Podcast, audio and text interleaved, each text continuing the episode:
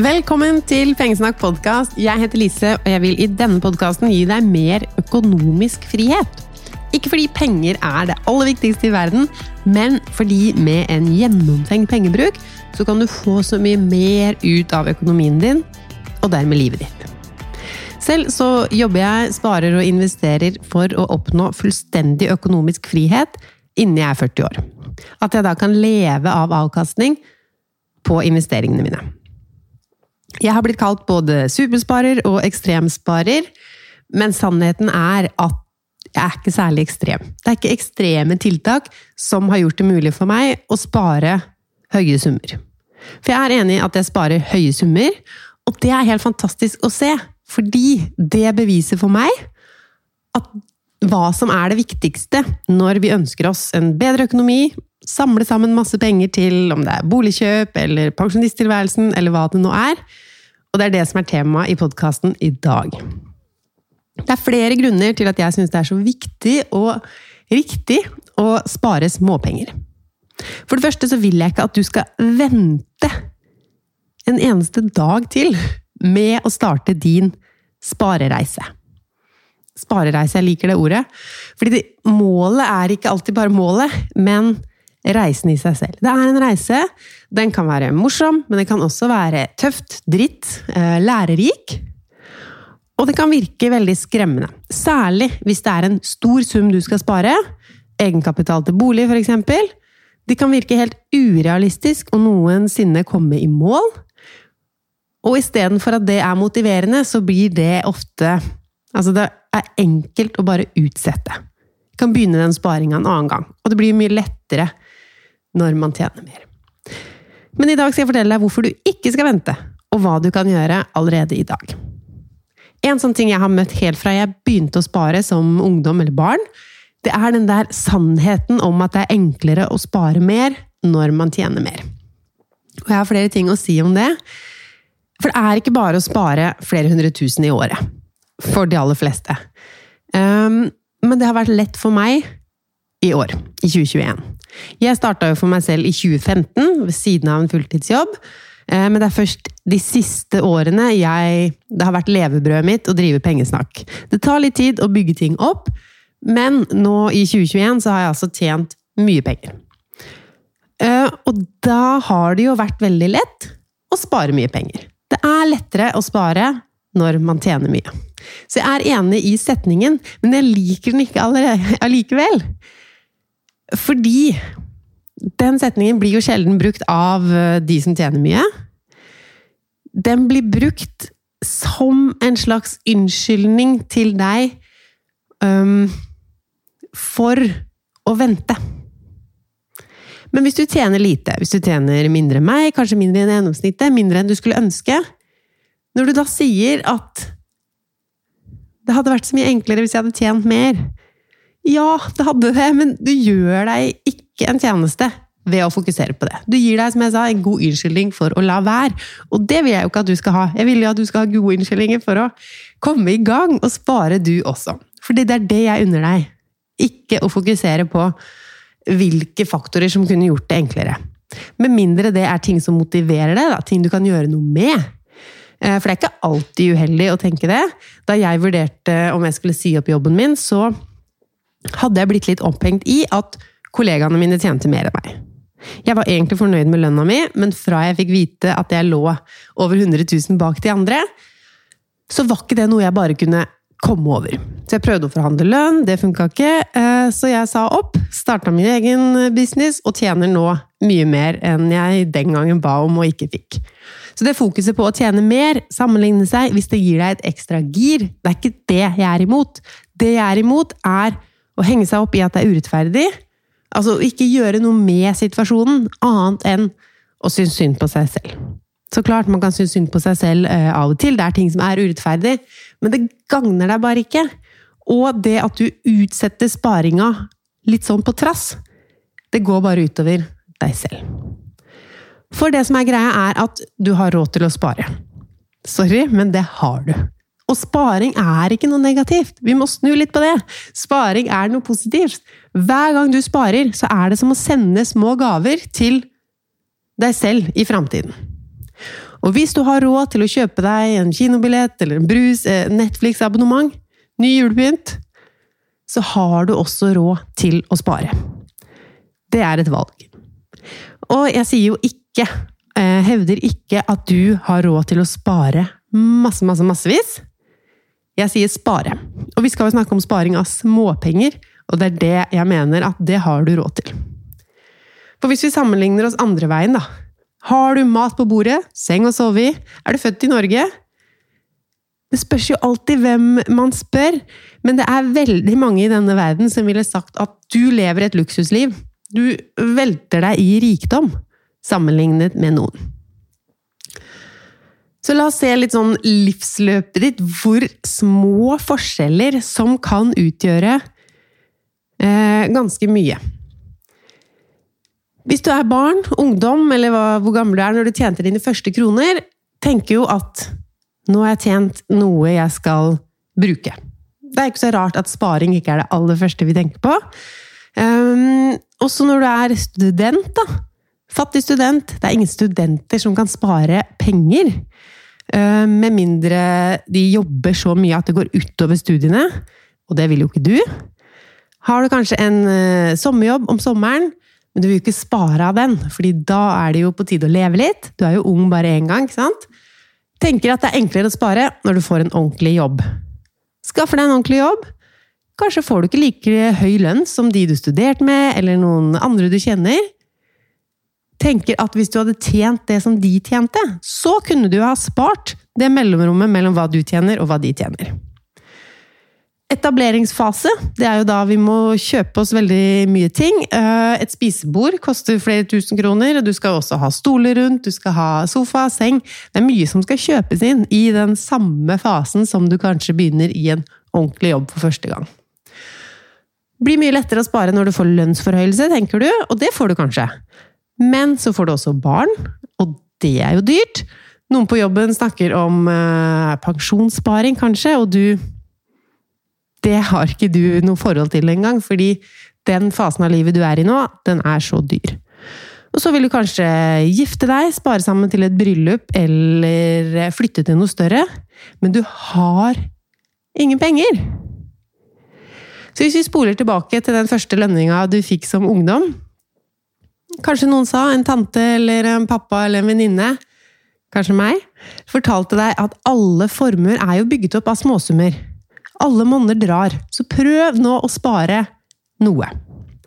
Kanskje setter du opp et uh, trekk på 500 kroner i måneden på sparing, eller 200 kroner i måneden. Kanskje syns du til og med det er mye, fordi uh, du har jo ikke så mye. Og kanskje må du noen gang hente litt ut fra sparekontoen uh, for å betale en telefonregning, eller noe sånt. Det at du sparer og har litt mindre, det gjør at du må følge med. Du må følge med på butikken. Ser kanskje at sånn bag-in, boiling bag ris er mye dyrere enn om du kjøper en stor sekk. En kilo med frossen kylling koster like mye som to små fileter. Eh, du ser forskjellige grønnsaker og sånn som er billigere om sommeren enn på vinteren, så kanskje du gjør noe med hva du spiser etter hvordan prisene beveger seg. Eh, du ser at det lønner seg å ha årskott på T-banen.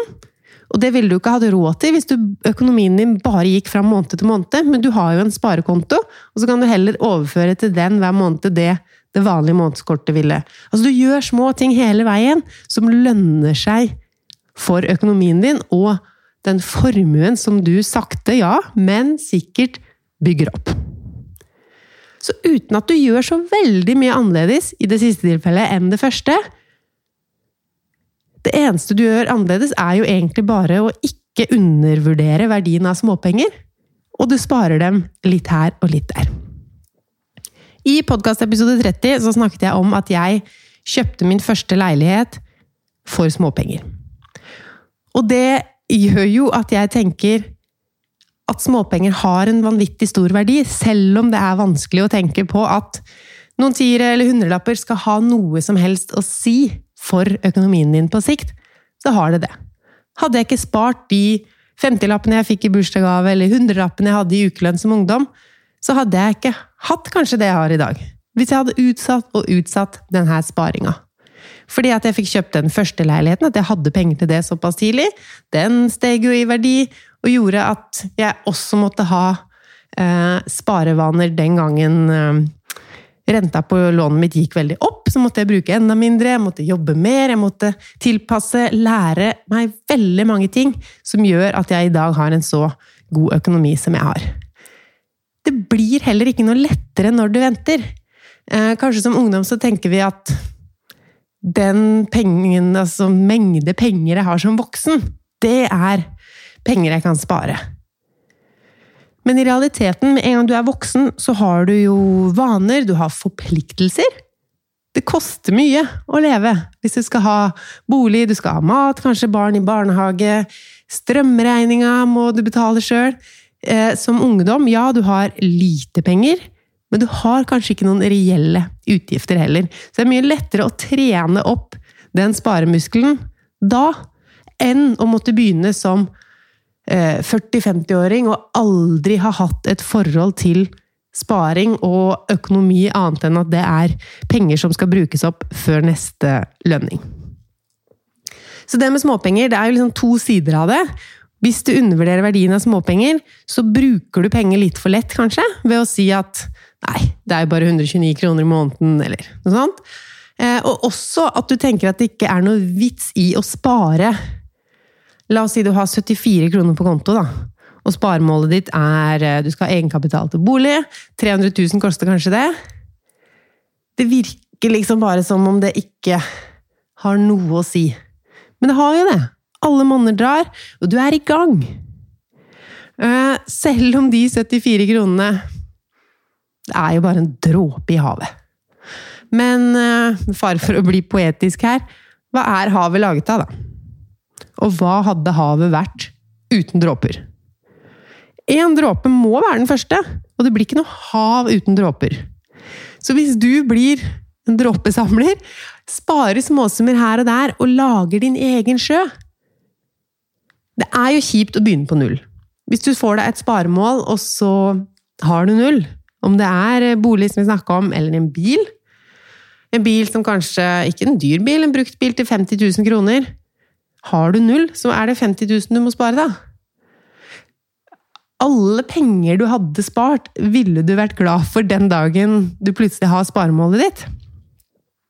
Og så er det sånn, ja, det er kjipt å starte på null, men hvor skal du ellers starte? Hva er det du venter på? Ja, du venter på at den lønna skal bli høyere, og at det skal bli så mye lettere, og jeg må bare si at det blir det ikke. Til og med Altså, det er jo lett å tenke sånn at det eneste som står mellom meg og en veldig god økonomi, er masse penger. Og det er faktisk ikke helt sant. Eller i hvert fall så ser vi jo disse eksemplene på at lottomillionærer eller andre som har plutselig fått en god slum penger inn, det kan være fotballspillere eller artister som plutselig har slått igjennom, og pengene bare voff, så var det millioner der. Men disse lottovinnerne, lotteri, andre typer pengespill, mange av de ender jo opp med å bli helt blakke igjen, etter de har hatt millioner på millioner. Altså, det skulle jo ikke vært mulig, for det var jo pengene som i utgangspunktet var problemet. Nei, kanskje var det ikke det. Det handler om å være smart med penger, og det kan du lære deg med små summer. Sånn at hvis det er du som vinner et lotteri en gang, eller på en annen måte plutselig har noen millioner eller milliarder, så skjer ikke det med deg at du går konkurs og må bygge deg opp fra null igjen. Det er noen små vaner, grep, tanken på penger, og at det er en verdi i disse pengene, som gjør at du vil klare deg bra også hvis du får mye penger. For det er noe med også den respekten for penger, som jeg mener starter med småpenger òg. Det er penger du har tjent. Hvorfor skal du kaste de vekk på ting som ikke egentlig betyr noe for deg? Noen ganger så er jo den verdien av småpenger nesten mer symbolsk enn det er en reell verdi. Hvis vi tar det eksempelet med å bruke handlenett på butikken. Da er det jo to kroner, eller 2,50, du sparer per pose. Ja, vi kan lage et regnestykke på et livsløp, men du blir ikke millionær hvis det er ditt eneste sparetiltak. Men da er poenget mitt at det er nok ikke ditt eneste sparetiltak. Og det er veldig mange sparetiltak som i seg selv ikke vil Nå skulle jeg si velte et lass, men her blir det vel mer bygge opp et lass. Men det er eh, å plusse alle sammen. Og det er det du viser deg selv, at hvis du er en person som går rundt og sparer på 2 kroner og 50 øre, du lager deg den vanen med å ha med handlenett på butikken, bare på den butikkrunden, da, når du har handlenettet i kurven, så viser du deg selv at du er en person som sparer, du bryr deg om småpenger. Kanskje du ser litt ekstra på prisene i butikken. Du ser om det er um, varer som er nedsatt, som du kan spise en billigere middag enn du ellers ville gjort. Uh, du ser på de butikkenes egne merker kan du spare penger på å velge noe litt annet enn det du gjør på autopilot. Hvis du heller begynner å se på prisene, ser på kiloprisene. Spiser du mye gulrøtter, hvorfor ikke kjøpe en sånn to kilos pose istedenfor en 500 grams eh, med sånn beger? Eh, det er mange ting på butikken som kan eh, spare oss for penger. Og jeg føler at bare det at du går inn i butikken som en person med handlenett, det gjør at du har et litt sånn sparemindset, og gjør kanskje valg på butikken som lønner seg mye, mye mer enn den faktiske posegreia. Et argument, eller et motargument mot å eh, spare på småpenger, det er jo det at det fins ting å gjøre som monner så mye mer. Altså, ikke tenk på å ha med handlenett på butikken eller å spise opp restemat. Tenk på å investere, tenk på å gjøre noe smart med boliglån, eller låne opp mer for å gjøre sånn og sånn og sånn. Og jeg skjønner bare ikke det argumentet, fordi det er jo ingen som har sagt at vi som bryr oss om småpenger, vi som tenker over hvor lønna vår blir av, gjør små valg i hverdagen for å spare 10 kroner her og 70 kroner der. Det er jo ikke sånn at vi ikke tenker smart når det gjelder store penger. Det er jo ikke sånn at vi tenker at nei, jeg gidder ikke å se på den boliglånsrenta, det får bare koste det det koster. Nei, så klart er vi in, interessert i å spare de store summene, når vi til og med gjør en jobb for å uh, tjene inn på sånne småting. Det er ikke noen motsetning her, at vi må velge. Hvis du ikke har helt begrensa med tid, da, du kan bare gjøre et par tiltak i hverdagen. Og sånn er det ikke for mange av oss. Og hvis vi skal gjøre smarte ting med investering og eiendom og alt det der, hvor skal vi få de pengene fra, da? Hvilke penger skal vi investere hvis vi pleier å sløse vekk alt vi tjener? Så nei, det syns jeg ikke er et argument. Um, et argument er jo også at man kan jo heller jobbe for å tjene mer. For som vi snakka om innledningsvis, det er jo så mye enklere å spare mer når man tjener mer. Og jeg sa jo også at eh, jeg er interessert i økonomisk frihet, og den eh, Det er jo en hel bevegelse som heter eh, FIRE. Eller kalles for FIRE, Financial Independence Retire Early. Det er mange som jobber for å bygge opp en stor nok formue til at de kan leve på avkastningen av den. Men av de, de skiller seg, eller er uenige om én ting. Og det er det om at å tjene mye eller å bruke lite er den beste veien. Og jeg er jo på å, uh, forbrukssiden, altså å bruke lite, fordi når du bruker lite, så trenger du også mindre penger oppspart for å finansiere en livsstil hvor du bruker lite. Men for all del, tjen så mye du bare vil. Det er ikke sånn at jeg er ikke opptatt av å tjene mer penger, men jeg liker ikke helt det at de som er opptatt av å tjene mer penger og mener det er den beste veien, de ser litt ned på den der siden som er opptatt av eh, å gjøre kloke valg på forbrukssiden, altså spare folka. Eh, og kan f.eks. si at eh, ja, veldig tullete å spare inn på caffè latte, fordi eh, og så kan du regne sammen de summene man sparer på å ikke drikke caffè latte, og si at det får du aldri kjøpt en eiendom for, eksempel. Eh, og det jeg tenker da, ja, som jeg har sagt mange ganger, elsker du caffè latte, drikk for all del det. Poenget er, hvorfor skal du i det hele tatt bruke summer på ting som ikke gir deg noe som du verdsetter? Og, som vi snakka om med den bæreposen, det er litt symbolsk òg i å spare inn på ting. Og litt pluss litt pluss litt pluss litt, det blir mye. Det har jeg jo opplevd selv, og det ser man jo. Du kan teste ut på kalkulatoren. For de er kanskje ikke bare caffè latte. Kanskje caffè latten får deg til å også kutte ut en bagel. Og så er det mange ting her. Og så er det jo litt det med at hvis du bare er opptatt av inntektssiden, tjene mer, tjene mer, tjene mer, tjene mer Hvor blir det av pengene? Får du faktisk spart dem? Um, ta det badekareksempelet, da, hvor um, krana er uh, inntekten din. Og tjener du lite, så drypper du bare. Tjener du mye, så er det jo masse vann som kommer per minutt eller sekund. Og sluket i det her badekaret er da forbruket ditt. Bruker du alle pengene du får inn, så vil badekaret aldri fylle seg opp. Og målet vårt, i hvert fall ikke målet mitt, er ikke å tjene mest mulig penger, altså at det kommer med fullest mulig fart ut av den krana. Målet er jo å kunne ta seg et bad da, og ha det komfortabelt. Og da å lære seg å ha fokus på den kostnadssida, som da blir å ikke sette på helt proppen i sluket, men i hvert fall få det til å renne mye saktere ut. Sånn at man kan ta seg et deilig bad, eller altså da ha det bra i sin egen økonomi. Og så er det jo også sånn det med å tjene mer. Det er faktisk ikke mulig for alle. Mange har muligheter til å tjene mer, ja, men mange har heller ikke det som prioritering. I hvert fall ikke hvis målet er frihet, tidsfrihet kanskje mest, så vil du ikke bruke mer tid på å jobbe. Og du har kanskje ikke noe gründersjel i deg, eller er opptatt av det i det hele tatt. Så ta dine valg for deg, om du er opptatt av å tjene mer, spare mindre, eh, spare mer. Gjøre begge deler er jo veldig flott, men gjør ting ut fra din egen hva du syns. Men ikke erte andre for hva de prioriterer i sine liv. Eh, jeg sa det kanskje, men jeg mener at det å ha respekt for små summer, respekt for pengene sine, det er å vise respekt for seg selv, det arbeidet du gjør, den måten du har tjent pengene på. Når du har tjent disse pengene, hvorfor ikke få så mye ut av det som mulig? Jeg vil ikke at du skal kaste ut penger som du kunne ha fått brukt eh, fordi det er én ting som er sikkert om framtiden, og det er at hvis du ikke dør, da, så kommer du til å få bruk for penger. Det er alltids noe å bruke penger på. Men det er jo også det som gjør at her og nå kan det være vanskelig å prioritere sparing.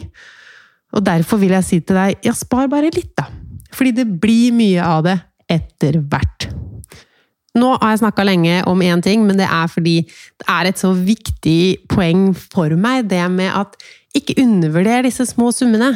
Det er så mye enklere å spare litt og litt enn ja, har du egentlig noe alternativ enn å starte med det små?